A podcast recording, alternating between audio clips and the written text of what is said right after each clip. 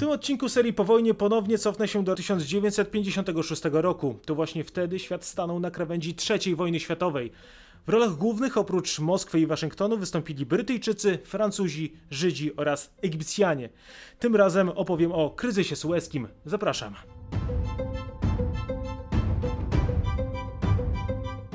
W 1898 roku niedaleko miasta Aswan w Egipcie rozpoczęła się budowa jednej z najważniejszych inwestycji w tej części świata.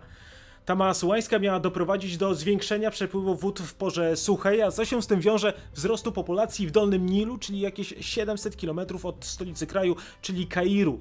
Po czterech latach budowy była to największa murowana tama na świecie.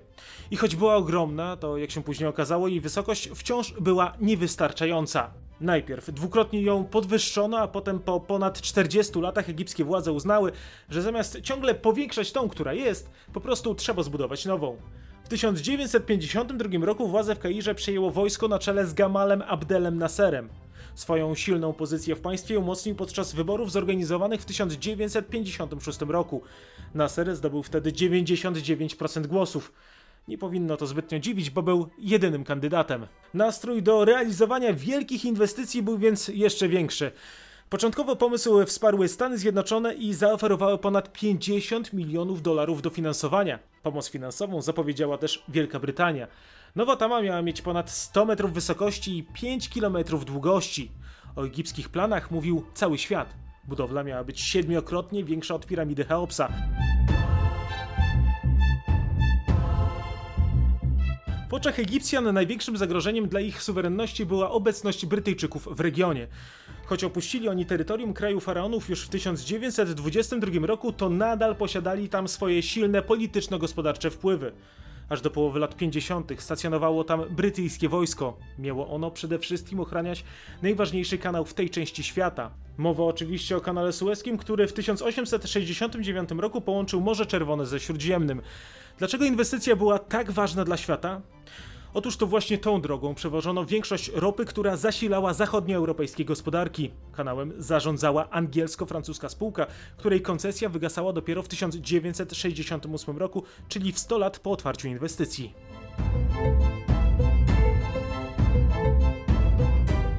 Tym czasie sytuacja w regionie była wyjątkowo napięta. W 1955 roku podpisany został tak zwany Pakt Bagdacki.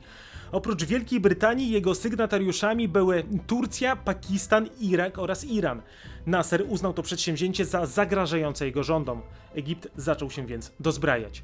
Tymczasem Amerykanie niechętnie chcieli sprzedawać mu broń ze względu na ryzyko kolejnej wojny z Izraelem, czyli sojusznikiem Stanów Zjednoczonych. Tę sytuację wykorzystał oczywiście Związek Radziecki, który zaoferował Egiptowi swoją pomoc, dostarczając przez Czechosłowację m.in. czołgi oraz bombowce.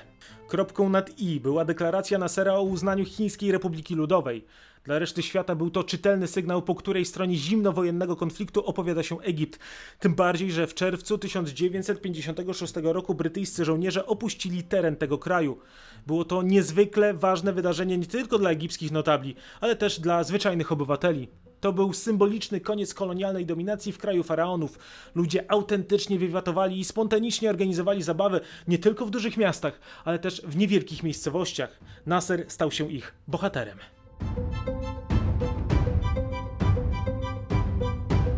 W odpowiedzi na tę sytuację 19 lipca 1956 roku amerykańskie władze poinformowały egipskiego ambasadora w Waszyngtonie, że rezygnują z dofinansowania budowy ogromnej tamy. Podobną ścieżką, co raczej nie powinno dziwić, podążyli też Brytyjczycy, anulując wypłatę 14 milionów dolarów. Nasser był wściekły. Tama miała nie tylko wzbudzać zachwyt na całym świecie, ale też uratować egipską gospodarkę. Dzięki niej zagospodarowane miały zostać ogromne przestrzenie. Poza tym elektrownie wodne zlokalizowane przy Tamie miały zapewnić elektryczność dla tysięcy obywateli Egiptu.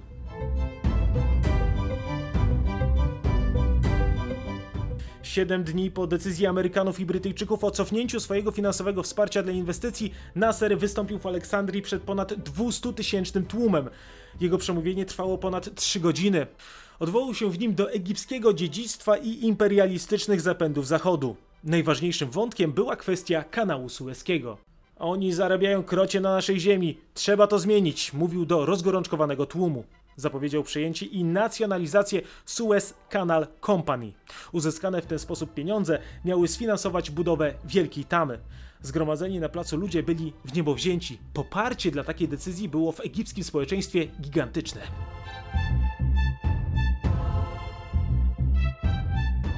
Kiedy Nasser wrócił pociągiem do Kairu, na jego przyjazd czekało ponad 100 tysięcy wiwatujących ludzi. Odwagi gratulowały mu inne arabskie kraje. W Syrii ludzie wylegli na ulice. Podobnie było też w Jordanii. Dla wielu krajów nacjonalizacja kanału była sygnałem, że tak oto kolonializm zaczął chylić się ku upadkowi. Głosy poparcia dla Egiptu płynęły też z Pekinu, jak i Moskwy. W kompletnie innych nastrojach byli politycy i prasa w Paryżu oraz Londynie. To przecież Anglia i Francja straciła na takim rozwiązaniu najwięcej. Brytyjski premier Eden domagał się natychmiastowej interwencji wojskowej. W kilka dni po przemówieniu Nasera pod broń powołano tysiące Brytyjczyków. Poparcie społeczne dla takich działań również było wysokie. Podobne decyzje zapadły w Paryżu. Francuzi obawiali się, że rezygnacja z kanału będzie miała negatywne konsekwencje w ich koloniach w Afryce Północnej. Amerykanie z niepokojem obserwowali rozwój sytuacji i choć nie poparli decyzji Nassera, to jednocześnie gabinet Eisenhowera przestrzegał przed interwencją wojskową Anglii oraz Francję. USA obawiało się ponownej destabilizacji całego regionu i wojny zachodnich państw z armiami większości państw arabskich.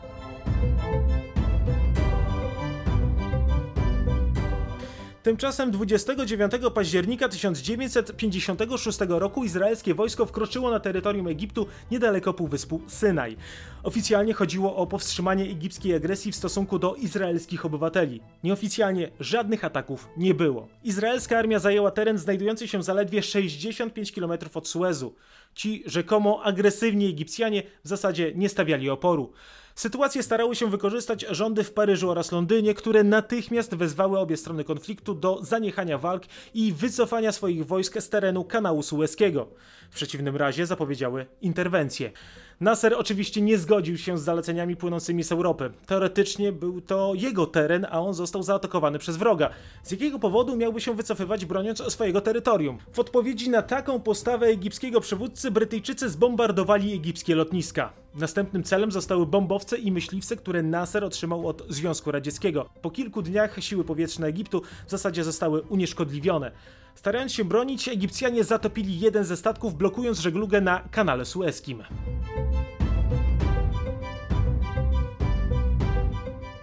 W zasadzie całe egipskie wojsko skupiło się wokół stolicy kraju Kairu. W innych częściach kraju organizowany był ruch oporu, rozdawane były e, karabiny, e, wydanych ich zostało około 400 tysięcy. Nadziei Nasserowi dawały informacje płynące z zachodu. W zasadzie poza Wielką Brytanią oraz Francją niewiele było krajów, które poparły europejską interwencję na Bliskim Wschodzie. W największych arabskich miastach organizowane były antyzachodnie manifestacje. Arabia Saudyjska nałożyła embargo na handel ropą z Wielką Brytanią oraz Francją. Protesty odbywały się również w Czarnej Afryce oraz w dalekiej Azji, m.in. w Indonezji. Swój sprzeciw wobec poczynań Paryża oraz Londynu wyraziła Moskwa, a także Pekin.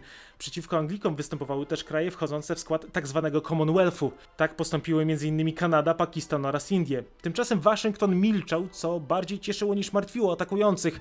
Bierność USA było niczym innym jak przyzwoleniem do ataku. Tymczasem Eisenhower podobno był wściekły. Obawiał się, że teraz Egipt zwróci się o pomoc do Moskwy, co zaogni sytuację na całym Bliskim Wschodzie i wymusi na Amerykanach trudne decyzje będące na krawędzi III wojny światowej. Poza tym opowiedzenie się po stronie Europejczyków zaprzepaści wszystkie starania Amerykanów o poparcie w krajach będących na rozdrożu zimnowojennej rozgrywki. Te w tej sytuacji mogłyby opowiedzieć się po stronie Związku Radzieckiego. Eisenhower denerwował się z jeszcze jednego ważnego powodu. Za chwilę stawał do walki o reelekcję na stanowisku prezydenta Stanów Zjednoczonych. Międzynarodowy chaos zdecydowanie nie sprzyjał prowadzeniu kampanii wyborczej. Podczas obrad Zgromadzenia Ogólnego ONZ Amerykanie wyraźnie zasugerowali, że są przeciwni zbrojnej interwencji w Egipcie. Brytyjczycy uderzyli wczesnym rankiem 5 listopada 1956 roku. Nieco ponad 5 km od portu Said wylądowało ponad 600 brytyjskich żołnierzy. Walki o tę miejscowość były wyjątkowo zacięte. Brytyjczycy byli ostrzeliwani z działów przeciwczołgowych. W tym samym czasie około 500 Francuzów zajęło most oraz drogę biegnącą do miasta. Kilka godzin później inny francuski oddział opanował port Faoud. Tego samego dnia do Tel Awiwu, Paryża oraz y, Londynu trafił list napisany przez Nikołaja Bułganina, radzieckiego premiera. Y, Ostrzegał on w nim, że Moskwa jest gotowa włączyć się w konflikt, aby przepędzić agresorów. Osobny list otrzymał też prezydent Eisenhower. Rosjanie zaproponowali wspólną interwencję wojskową. Prezydencka administracja nie mogła dłużej zwlekać. Wszyscy w Białym Domu doskonale zdawali sobie sprawę, co będzie oznaczać radziecka interwencja w Egipcie. Waszyngton opublikował komunikat, z którego wynikało, że Stany Zjednoczone w przypadku pojawienia się wojsk ZSRR na Bliskim Wschodzie włączą się do konfliktu wszelkimi dostępnymi środkami. 6 września do walk na Bliskim Wschodzie włączył się RAF oraz Królewska Marynarka Wojenna. Na lądzie pojawiło się też kilka tysięcy brytyjskich Royal Marines. Egipcjanie byli w odwrocie. Ich armia zdawała się uginać pod ciężarem wyszkolenia i sprzętu nowocześniejszych europejskich armii. To właśnie w Egipcie Brytyjczycy przeprowadzili pierwszy w historii desant ze śmigłowców. Tymczasem Port Said wciąż pozostawał niezdobyty. Egipscy żołnierze wtapiali się w tłum cywili. Z tego powodu atakujący Port Said niekiedy strzelali do niewinnych osób. I kiedy zdawało się, że los portu Said jest przesądzony, brytyjscy żołnierze otrzymali rozkaz, aby zaniechać ataku. Na forum ONZ rozpoczęto rozmowę o możliwych sankcjach w handlu ropą z Wielką Brytanią. Amerykanie zapowiedzieli odcięcie Brytyjczyków od środków płynących z Międzynarodowego Funduszu Walutowego. Dla rządu w Londynie oznaczałoby to polityczną śmierć. Nagle działa nad Port Said ucichły. Wielka Brytania wycofała się z Egiptu. W marcu przeszłego roku to samo zrobiła izraelska armia. Nasser, skazywany na porażkę, okazał się zwycięzcą. Kanał był jego, a Brytyjczycy zostali upokorzeni na międzynarodowym forum. Konflikt doprowadził do upadku rządu Edena. Zastąpi go Harold Macmillan. To tyle na dziś. Dziękuję za uwagę. Zachęcam do subskrybowania kanału i do usłyszenia.